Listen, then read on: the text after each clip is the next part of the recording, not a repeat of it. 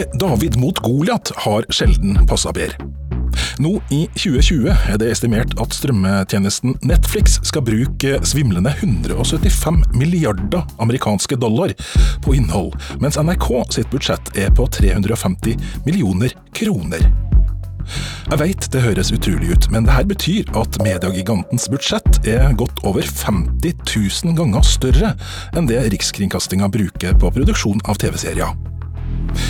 Vi spør hvordan norske selskap skal overleve denne nådeløse konkurransen. Og Senere i programmet skal vi snakke om det stoffet som ikke lenger får plass i avisene fordi det ikke er nok mennesker som leser det. Du hører på Mediemagasinet Kurer, og jeg heter Lars Erik Ertsgaard Ringen.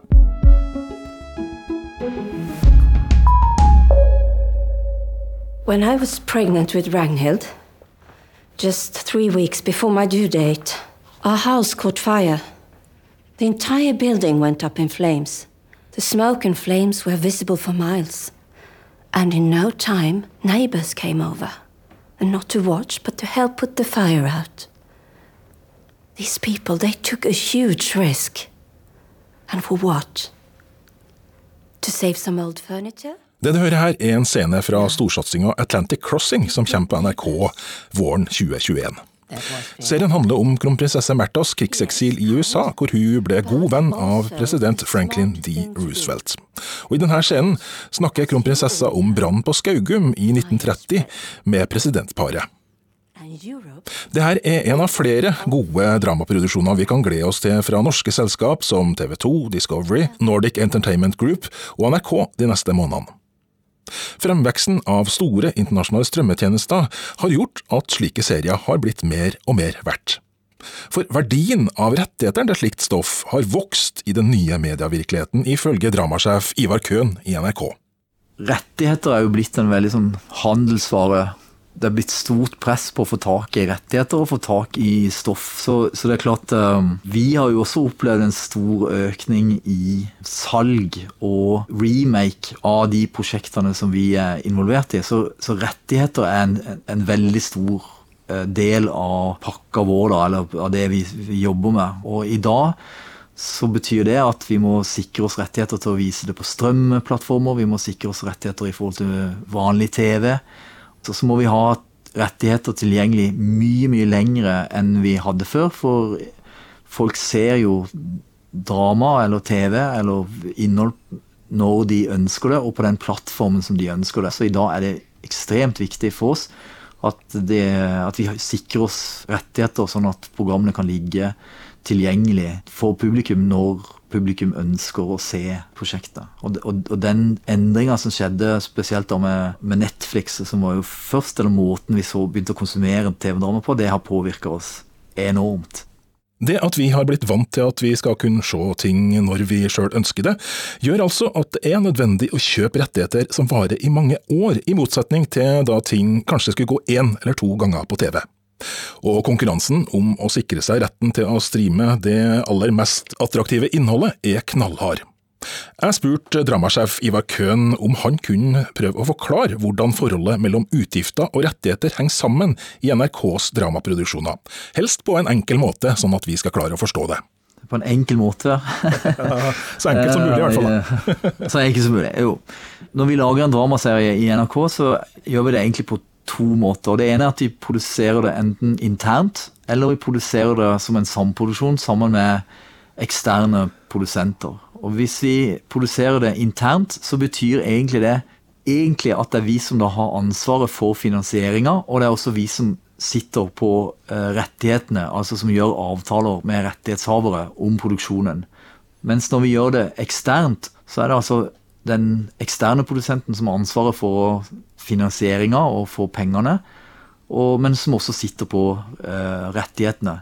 Så da, da, gjør vi en såkalt investerings- og rettighetsavtale, eller publiseringsavtale, som, som, da regulerer hvor mye penger vi går inn med i prosjektet, og hva slags type rettigheter vi skal ha eh, tilbake. Og normale nå, det er jo at vi, at vi kjøper eh, syv års rettigheter på de publiseringsplattformene som vi har. Altså ubegrensa bruk på våre publiseringsplattformer i, i syv år.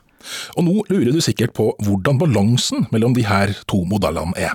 Vektinga mellom internt og eksternt er sånn ca. 50-50. Vi har en uh, regel som sier at minst 40% av vårt programbudsjett skal uh, legges ut eksternt på eksterne produksjoner. Men det gjelder av alle typer produksjoner. Dokumentar, underholdning, drama og radio også, for den saks skyld.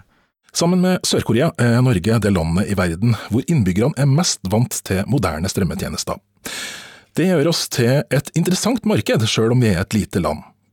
Derfor er det å skaffe seg norsk innhold viktig for strømmekjempene, først og fremst for å tilby det til oss nordmenn. Samtidig så er også norsk drama en viktig del av, av deres kataloger. Da. At, rett og slett at det finnes et tilbud, at det finnes muligheter eh, internasjonalt for å se. At det, det, er med å øke verdiene av katalogene. Eh, og Derfor så, så, har det en verdi. Og, og nå som eh, EU da krever kvoter, altså det fins f.eks. må ha 30 eh, europeisk produksjon på strømmekanalene, så har det jo en indirekte verdi også, at du, at du er med på å oppfylle kvotene for å få lov til å sende. Der hvor man før kunne konsentrere seg om å bli elsket, så må man også nå konsentrere seg om å bli funnet og valgt. Ole Hedemann er professor ved fjernsynsutdanninga ved Høgskolen Innlandet på Lillehammer, og har tidligere jobba i NRK med å håndtere nettopp TV-rettigheter. Strømmetjenestene som kommer nå, de endrer på en måte spillereglene litt i den industrien, for deres distribusjonsform kjenner jo ikke grenser slik det har vært tidligere, i hvert fall på en helt annen måte. Og Samtidig så er det vrient for en distributør å kreve f.eks. ti ganger prisen fra en strømmetjeneste for ett salg, for noe du ellers kunne solgt ti ganger til kunder i ti land. Det blir selvfølgelig mye mindre jobb å selge uh, et format til én stor kunde som strømmer i hele verden, uh, men uh, fortjenesten ble kanskje større av å selge det ti ganger. Men hva gjør den verdensomspennende strømmekonkurransen der du og jeg har blitt vant til å ha tilgang til all verdens TV-serier og filmer når vi vil det, med innholdet til de fire norske konkurrentene? Hele, hele, industrien forandrer seg jo veldig mye. Det var en kollega av meg, eh, finske Yle, som sa at on demand has pretty much killed the need for average. Og det syns jeg er veldig presist at liksom strømmetjenestene de har drept behovet eller eh, plassen til det litt sånn middelmådige, det litt sånn ålreite, helt greie, som det gikk veldig mye av i lineær-TVs dager. Det tror jeg det blir mindre og mindre av i framtida. Så Norgesmesterskapet har jo blitt en veldig uinteressant affære på mange måter. Som jeg ser det også, så toner alle norske nasjonale kringkastere ned sine anstrengelser i den nasjonale lineære konkurransen og gjør det de kan for å lage og publisere innhold som vinner i den globale online-konkurransen. Det har altså vokst fram et nytt globalisert marked for TV-serier og filmer, som fører til at dramasjef Ivar Køhn ikke lenger bare deltar i Norgesmesterskapet med NRKs produksjoner.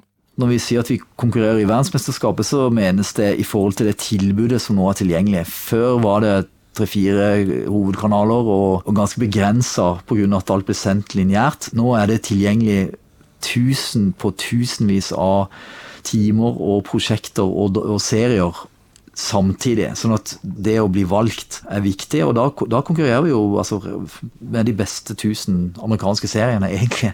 Um, så, så, på den måten så konkurrerer vi i, i, i verdensmesterskapet hele tida. Og i denne nye virkeligheten må NRK altså konkurrere med selskap som bruker 50 000 ganger mer penger i året på å lage godt innhold. Det er jo en veldig utfordrende situasjon, men vi tror at vi må bare være de som kjenner det norske publikummet best, og lage høy kvalitet for det norske publikummet.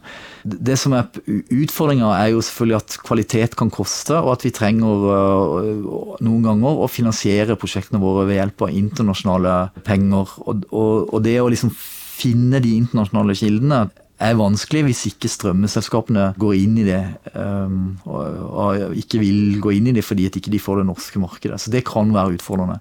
Professor Ole Hedemann ved Høgskolen Innlandet er enig i at norske selskap må satse på det de er best på. Skal norsk innholdsproduksjon overleve i det hele tatt, så må de være best på et eller annet. Og da tenker jeg de primært må være best på å kjenne sitt eget hjemmemarked og behovene i det hjemmemarkedet bedre enn man kan håpe at de globale spillerne gjør. Eh, sånn at eh, jeg tror fokuset nødvendigvis må gå i den retningen. budsjettene er jo ikke sammenlignbare i det hele tatt. ikke sant? Det koster jo like mye å produsere én episode av en eh, Netflix-serie ofte som det koster å produsere to sesonger av et eller annet i Norge. Dramasjef Ivar Køhn i NRK forteller at den må være kreativ for å hevde seg i konkurransen. Vi tenker vel tre scenarioer eller tre muligheter fremover. Det ene er at vi er nødt til å finne nye måter å samarbeide med eh, andre kringkastingsselskaper. Altså se hvordan kan vi jobbe sammen for å bidra til å finansiere opp prosjektene. Vi ser også på hvordan kan vi finne samprodusenter eh, som kan være med og bidra på dette. Vi ser på hvordan kan vi bli flinkere til å, til å selge prosjektene. Og så ser vi på hvordan kan vi lage prosjekter mer kostnadseffektive, altså billigere, og klare å holde samme kvalitet. Og sjøl om konkurransen allerede er tøff på dette markedet, blir den straks tøffere. Flere store globale medieselskap er nå på vei inn i markedet med nye strømmetjenester. Alle som etablerer seg i Norge, vil utfordre den medieverdenen vi kjenner, eh, og sette press på de aktørene som finnes der fra før, eh, enten de nå heter Disney eller Apple Pluss eller Peacock eller Amazon eller Facebook Watch eller hva de nå heter. Et EU-direktiv krever at alle internasjonale strømmetjenester i Europa skal produsere minst 30% lokalt innhold. De her reglene blir ifølge Kulturdepartementet også innført i Norge i løpet av året. Og Det betyr at strømmegigantene har behov for å produsere enda mer norsk innhold. Og allerede nå er 1% av Netflix sine originalserier norske. Professor Ole Hedemann er spent på hva det her vil gjøre med miljøet som produserer TV i Norge. Får de eh, oppdragene, for det første? Hvilken pris får de for å utføre oppdragene for eh, de nye tjenestene? Eh, og ikke minst, beholder de lønnsomheten hos seg, eller forsvinner den ut av landet? Det er spennende å se. Jeg vet jo at det er ganske små marginer i store deler av produksjonsmiljøet. Uh, og, og, sånn sett så er jeg helt sikker på at mange produsenter ønsker alle nye potensielle uh, kringkastere velkommen, enten de er uh, globale strømmere eller andre. Så det blir spennende å se. jeg håper at det fører til mer norsk produksjon, og ikke mindre. Også dramasjefen i NRK har merka at det er større rift om de flinke folkene som lager TV-serier i Norge. Ja, det er ingen tvil om at det er et høyt press på produksjonsmiljøet i Norge nå. Det har gjort prosjektene dyrere. Det vel, vi ser vel at i løpet av de siste ti åra har budsjettene dobla seg. Både for, fordi at, at, rettigheter og det økte kostnader, men også fordi at kravene til kvalitet um, har økt. Altså folk forventer egentlig mer ut av det de ser. Og at det nå ehm, er et rift om å få tak i de beste folka og de beste teamene, det er det ingen tvil om. Men om det er så tøft å konkurrere med de store kjempene, hvorfor velger ikke NRK heller å samarbeide med dem?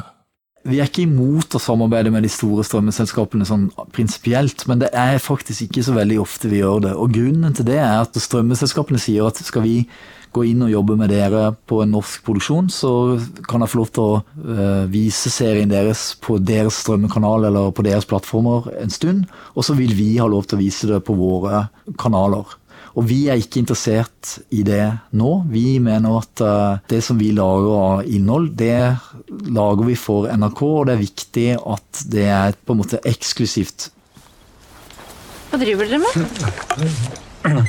prøve å finne ut hvilke sopper som er spiselige og hvilke som er dødelige. Så Litt avhengig av hvordan det går med kark her nå, så tror jeg vi har funnet en ny vi kan spise. Men Olav, du må komme. Mm? Kom. Ja.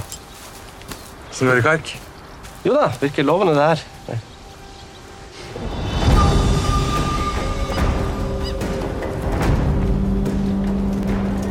Det her er serien Vikingene, som akkurat har hatt premiere med tredje sesong på NRKs strømmetjeneste. Og ifølge dramasjefen i NRK er denne serien unntaket som bekrefter regelen. Vikingene eh, ligger med en eh, norsk versjon, den ligger eksklusivt på NRK. Mens Netflix har da gått inn i den engelske versjonen og har fått lov til å legge den også ut på det norske eh, markedet. Men, men det er den engelske versjonen, og, og, ikke den norske. Så vi har gjort noen sånne typer samarbeid, men det er ikke regelen, det er mer unntaket. Analyser viser at de ressursene som brukes på å lage innhold globalt, vil vokse voldsomt de neste årene. Og for å følge med på denne galoppen, blir norske selskap mer og mer avhengig av støtte fra utlandet. Det bekymrer dramasjefen i NRK. Det er veldig viktig at vi prøver å, å tenke selvstendig og tenke at vi skal klare å lage våre egne eh, prosjekter og at vi skal eh, beholde kontroll over, over de beslutningene. Det, det, det, blir, det er færre og færre norske produksjoner nå som kan settes i gang uten at det finnes et internasjonal beslutning om penger i det. Så veldig mange av de greenlighta av norske produksjoner i dag, det gjøres ikke i Norge. Den endelige greenlightinga gjøres i Amsterdam eller kanskje København eller Los Angeles. Så, så, for oss er det viktig at vi prøver å liksom beholde noen av den beslutningsmulighetene her i, i, Norge. Og det at avgjørelsene som fører til at serier i Norge får grønt lys, sånn at de blir produsert, blir gjort i utlandet, mener Køhn gjør seriene mindre spesielle. Vi mener jo at det er viktig at vi lager serier for det norske publikummet, som er liksom retta mot det norske publikummet, og som er relevant for det norske, og som ikke nødvendigvis er nødt til å tilpasses for å møte internasjonale beslutningstagere. Da får vi en type prosjekter som er mer og mer lik alt annet som produseres, og som er mindre relevant for oss i Norge. What is it you want, Martha? I want peace and freedom for my country. Peace and freedom. Very well, so do I. But those are abstract concepts. So, what do you want? Vi starta dette programmet med å høre en scene fra storserien Atlantic Crossing som kommer på NRK om et år. Rettighetene til denne serien er en viktig inntektskilde for Rikskringkastinga. Derfor jubla de når ei stor TV-messe i Frankrike skulle gi serien stor oppmerksomhet i slutten av denne måneden. Men så kom koronaepidemien. Det er to store TV-messer, eller dramamesser, som er avlyst nå. Det ene er Series Mania, som skulle vært eh, i Lill nå i slutten, i slutten, av mars, og uka etter skulle det være Cannes-seri i, eh, i Cannes. Og i uh, Lill på CS Mania skulle vi ha internasjonal premiere på 22. Og i uh, Kanseri så hadde vi verdenspremiere egentlig på uh, Atlantic Crossing. Og det er klart, det er veldig synd at ikke vi får muligheten til å vise det nå.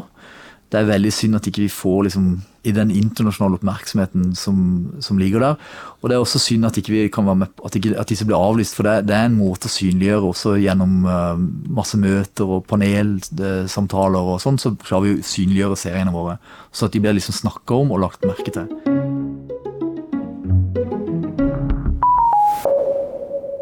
Den svært spesielle situasjonen landet vårt er oppe i akkurat nå, påvirker også det her programmet. Akkurat nå skulle jeg egentlig ha hatt med meg to gjester i studio for å diskutere en aktuell sak i ukas mediepanel, men jeg står her alene fordi situasjonen er som den er. Men heldigvis er Sandefjords Blads ansvarlige redaktør Steinar Ulriksen med meg fra Tønsberg. Hvordan merkes koronaepidemien i din redaksjon? Det merkes eh, veldig tydelig. Det merkes jo på at tastaturene i hele redaksjonen er jo rødglødende. Det renner på med meldinger og nyheter som vi må informere lokalbefolkningen om. Vi ser jo også at vi har, opererer jo med noe som heter Siste nytt-sjekkere. Det er folk som er innom nettsiden vår flere ganger om dagen, og de tallene er skyhøye. Eh, vi har over 20 000 av de i går. Så behovet for et lokal eh, nyhetsportal er veldig stort om dagen.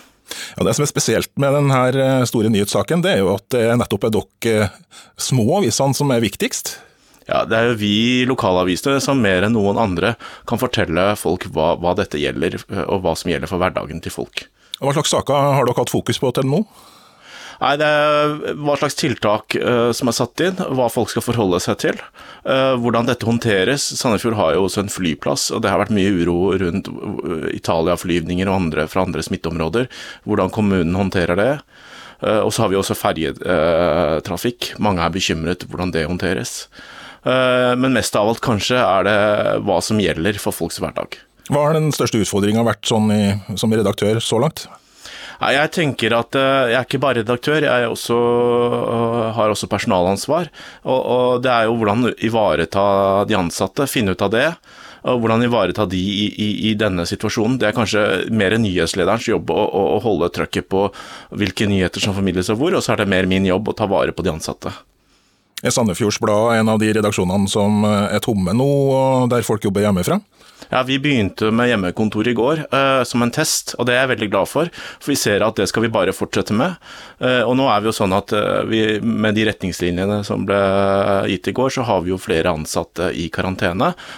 to som jeg vet om, men det kan være flere. Hvordan fungerer det å jobbe hjemmefra? Nei, uh, heldigvis så er vi jo der nå at uh, for å lage en lokalavis, uh, så trenger vi jo egentlig bare hoder og, og internettforbindelse. så det fungerte veldig bra i går. Og så har vi også heldigvis ansatte som ser nå at behovet for lokal nyhetstjeneste er veldig stort. og det gir inspirasjon og lyst til å bidra til at dette går så bra som mulig for lokalbefolkningen. Men Steinar, det vi egentlig skulle snakke om i dag, var faktisk ikke korona. Nei, vi skulle snakke om noe annet.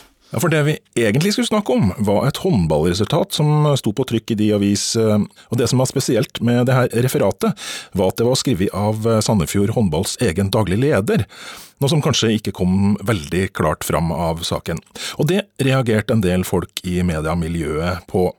Det her er noe som dere i Sandefjords Blad kaller for en lesersak, Steinar Ulriksen? Vi vet jo det at det er mange som har behov for returinformasjon, så vi har laget en løsning der eh, organisasjoner, eh, folk som er opptatt av frimerker, folk som er opptatt av pensjons, eh, pensjonsgruppa si og annet, kan legge inn eh, en rapportering da, og skrive litt om, om hva de foretar seg. Eh, og så skriver de tekst, legger opp bilder, og, og, og, og så trykker de eh, på send inn, og så går dette til en redaktør hos oss, som da leser gjennom og godkjenner før det da blir publisert. Eh, men da blir det jo merket med innsendt. Det som var diskusjonen denne uka, var om det var merket nok. Var det det? Nei, Jeg tenker vel det uh, ut fra situasjonen at daglig leder i en håndballklubb skriver håndballreferat uh, fra sin egen kamp, uh, så var det på ingen måte merket godt nok. Så det, det, er en diskusjon jeg gjerne tar. Men det her handler om en type stoff som var veldig vanlig i små aviser for bare noen år siden, men som ikke er fullt så vanlig nå. Hva slags saker er det vi snakker om? Nei, det er det er det jeg pleier å kalle for uh, tabell- og resultatjournalistikken fra sporten. Uh, det er saker som før var veldig viktige uh, for oss, og, og, kanskje også for de som holdt på med disse idrettene. det kan være bueskyttere, det kan være undervannsrugby, det kan være hva som helst. hvor vi før brukte en del journalister på å lage tabeller og sette opp resultater. Så kom det i papiravisa kanskje noen dager etterpå, og det var viktig stoff. men nå ser vi at vi har eh, tapt kampen om dette stoffet. Eh, og når vi lager saker på dette, så blir det overhodet ikke lest. Ja, hva er det som har skjedd som har gjort at uh, det her stoffet ikke står i avisa lenger?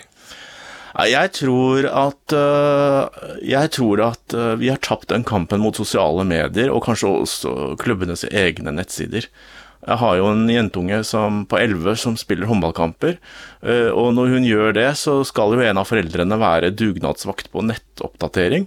Så da sitter det altså noen med nettbrett og oppdaterer målene løpende under kampen. Eh, og gir alle som da ikke er til stede, informasjon eh, direkte.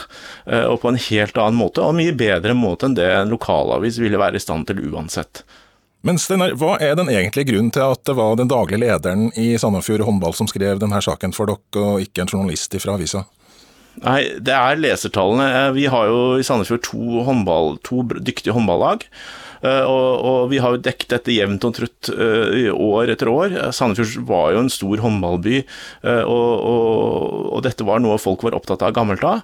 Men nå ser vi det at et, en sånn vanlig gjennomsnittlig håndballreferat, det blir knapt lest av 200. Og det er altfor lavt tall for oss, så derfor hadde jeg et møte med ham og gjorde rede for at vi kommer ikke til å gi hans klubb den samme ukentlige kampoppfølgingen som vi har gjort før. Nå må vi heller være mer selektive. Før vi gikk på lufta, så snakka du om et uh, tall som du måtte opp på for at det ja. var Nettopp. Det er jo veldig viktig for en lokalavis å, å, treffe bredt. Vi kan ikke bare gå etter de sakene som ble mest lest. Uh, fordi vi, treffer, vi, skal treffe i løpet av en dag mange ulike målgrupper.